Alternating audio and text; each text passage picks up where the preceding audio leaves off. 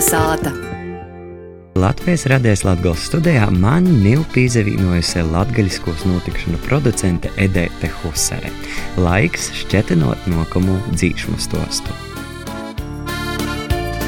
Pasaki, brolīt, kur siltoka saule, kur pučētis skaistoka zīme, kur sirsnības vairāk. Labs vakars, Ērika, eh, tas eh, tik nozīmē, ka klotina atkal jauna dzīšma stosti, ir jauna dzīsma, par kuru šovakar mēs runāsim. Šoreiz uh, autoru sacerēta dzīsma, kur mēs zinām divas versijas, mēs zinām divus no trejas autoru. Vārdi vienīgi paši, bet uh, melodijas izpildēto ir uh, pilnīgi citi. Dzīsme ir pasaki broļēt, jeb ir vēl cits nosaukums arī.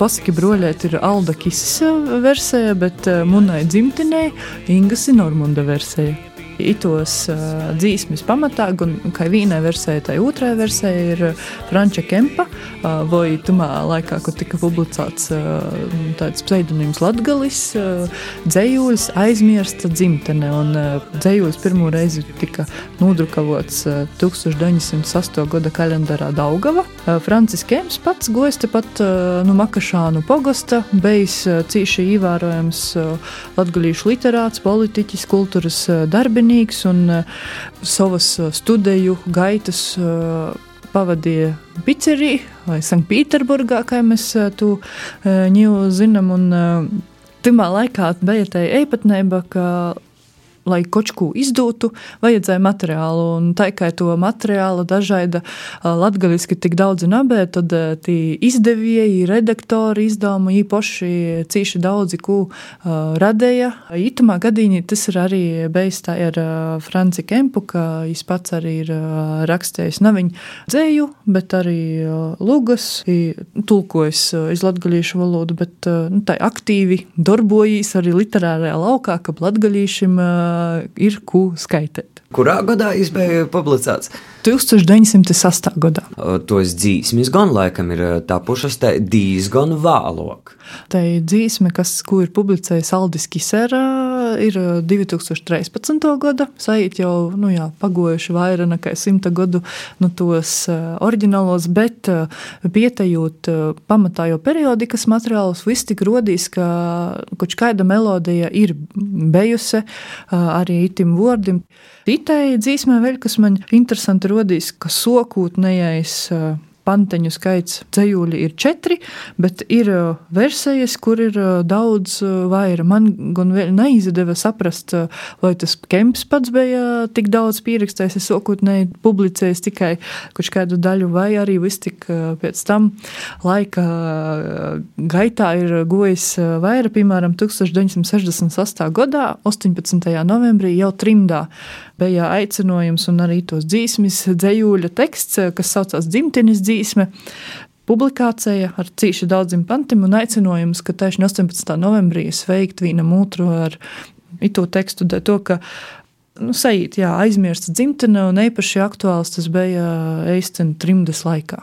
Par tiem teksta papildinājumiem runājot, tad savukārt jopīzes, ka ir Ingas Normonda izpildētajai, bet Rēzaknis komponistes Sandras Mežūris sacerētajai savai versijai, Un ar uh, Sandru Mežūri man izdevās sasazinot, un jai par itos dzīsmes uh, rašanos tos tā, ka, nu, ka tas principā ir bijis tas laiks, kad sociās šeit, nu, ekonomisko emigrācija, bet pasenokūs laikos, un tad jai esot uh, bijusi bibliotēkā un šķirstējusi dažādas uh, gromatas, dažādas dzējūļu gromatas arī, kab uh, vienkārši, nu, meklētu, kas tad varētu būt tī panteņi, kuriem kādu dzīsmi uzrakstīt.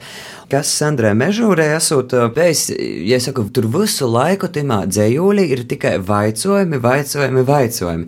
Un ka ja esot prasījis īdūt atbildi, un līdz ar to itē versijai, kur ir šis spīdzīdojums munā dzimtīnē, munā latgolā, tad savukārt itei pīdzīdojuma versija jau ir pašas komponistis sacerāts teksts. Pošas atbilde iz, iz visiem jautājumiem. Bet īstenībā, tagad, kad tu runāji par to emigrāciju, savā laikā man dzīvē bija periods, kad es trīs mēneši nedzēvoju Latvijā, un, bet eh, visu tā, fiksēju interneta dīnrakstā, eh, taisņu viens ieraksts tagad meklējot informāciju par dzīsmi, man pašai atgodoja, ka bija tādas, te bija dīna, kad bija tādas skumjas pēc Latvijas un gribiešana uh, atgriezt, ka es biju, naskai arī atradusi kempa dzējuļu un esmu publicējusi, ka aizmirsta dzimtene un taisni, te visa muna bāda bija pilnīgi itamā dzējuļī publicēta. Bet, ja tas aizmirsta dzimtene ir tī vaicojumi, ir kur siltoka saule, kur pučētas skaistoki zīd,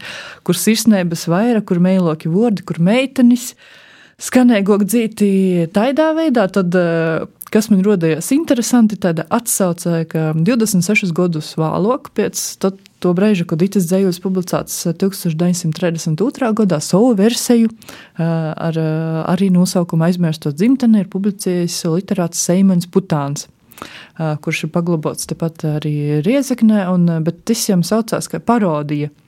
Uh, un, un publicēts ir krojumā divi apsaviešana, tad viņš uh, nu, pazaverās, ka mēs varam domāt, ka dzimtenē visur viss tik skaisti, visi mēs tik draudzīgi un tā, bet uh, viņš arī to parodīju, pazaver, ka nu, viss tik nevienā citā vietā arī nedara kaut ko citu, kā viņa dzimtenē, un pasaki broļēt, kur otram izkokla uzkopt var viegli bez mūkom, kur vīteņas siltas, kur drupanu maizes rot vīglinu tulznotam rūkam. Pasaki broļēt, kur zamokūs izsūkt šķiešļu nekaidu mums nav, kur laimēgo jauko un dorgotai mola, ak soki, es aizmirsu jau. nu, jā, tāda ironiski parodijas veidā pazaverīs uh, citu pusi. Soki broļēt, kur siltu,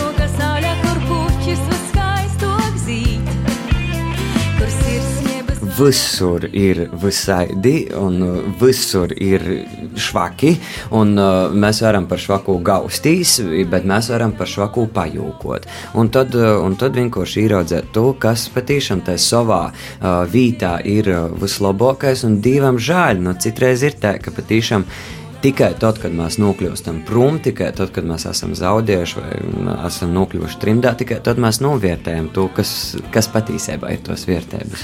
Nu, ja mēs īpaši esam runājuši par skaidru valodu, par uh, ceļu izbroļu, par tādam tam, uh, par valodzē tikai mazdīnu Latgulas himnam, tad es sacātu, ka itē ir tai uh, Latgulas himna, bet tim, kuri ir aiz, nobraukuši pa ceļu dzēvis spīsti, kuč kādu savas izvēles dēļ, tā ka jā, itai arī ir sava veida himna.